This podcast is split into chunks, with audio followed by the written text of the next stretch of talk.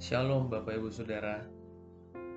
Bangsa Israel adalah bangsa yang memiliki siklus hidup kira-kira begini. Allah memenuhi kebutuhan mereka. Israel marah-marah. Allah murka dan akhirnya Israel bertobat. Muter aja terus kayak gitu. Apakah Anda setuju? Tentu saja Allah bisa memberikan semua kebutuhan jasmani tepat sesaat sebelum mereka membuka mulutnya untuk meminta kepada Tuhan. Tetapi Tuhan memiliki agenda di sini. Ulangan 8 ayat 2 sampai 3. Ingatlah kepada seluruh perjalanan yang kau lakukan atas kehendak Tuhan Allahmu di padang gurun selama 40 tahun ini dengan maksud merendahkan hatimu dan mencobai engkau untuk mengetahui apa yang ada dalam hatimu, yakni apakah engkau berpegang pada perintahnya atau tidak. Jadi ia merendahkan hatimu, membiarkan engkau lapar, dan memberi engkau makan mana yang tidak kau kenal, dan yang juga tidak dikenal oleh nenek moyang, untuk membuat engkau mengerti bahwa manusia hidup bukan dari roti saja, tapi manusia hidup dari segala yang diucapkan Tuhan. Allah itu bagikan Bapa yang mau mendisiplin anak-anaknya. Mana ada anak yang tidak didisiplin oleh orang tuanya? Mengapa Allah perlu mendisiplin Israel? Roma 1 ayat 25 menegaskan bahwa manusia kerap jatuh dalam penyembahan berhala. Manusia sangat mencintai barang-barang jasmani. Manusia lebih suka dengan berkat daripada pemberi berkat. Kalimat ini benar sampai selama-lamanya. Saya minta Anda memperhatikan ayat 7 sampai 9, ulangan 8. Sebab Tuhan Allahmu membawa engkau masuk ke dalam negeri yang baik, suatu negeri dengan sungai, mata air dan danau, yang keluar dari lembah-lembah dan gunung-gunung. Suatu negeri dengan gandum dan jelai, dengan pohon anggur, pohon ara, pohon delima. Suatu negeri dengan pohon zaitun dan madunya, Suatu negeri di mana engkau akan makan roti dengan tidak usah berhemat, di mana engkau tidak akan kekurangan apa pun.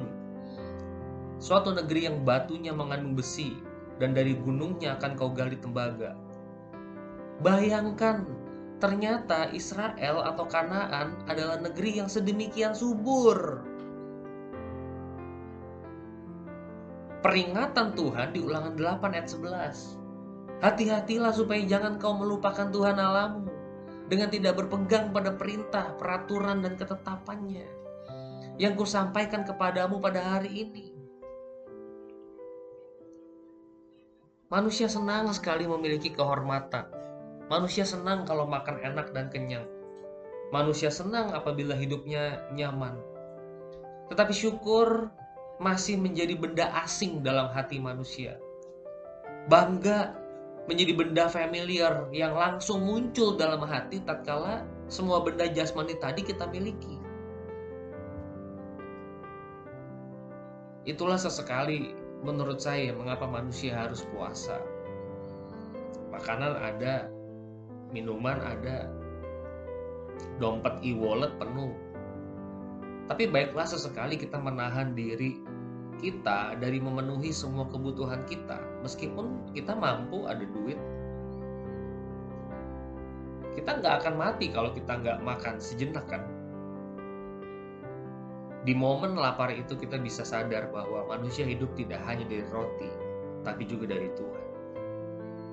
Rasa lapar menjadi pengingat bahwa kita bergantung kepada Tuhan Ketika rasa lapar terus-menerus ditekan, alias kita nggak pernah rasa lapar, maka kita juga nggak gitu merasa membutuhkan Tuhan.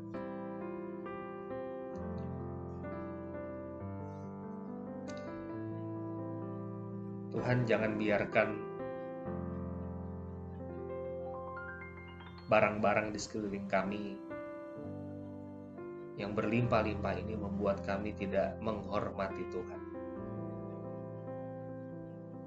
Tolong kami ya Tuhan supaya kami sesekali puasa.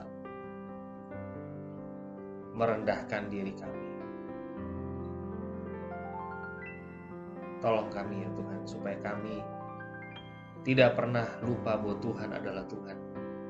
Kami bukan Tuhan.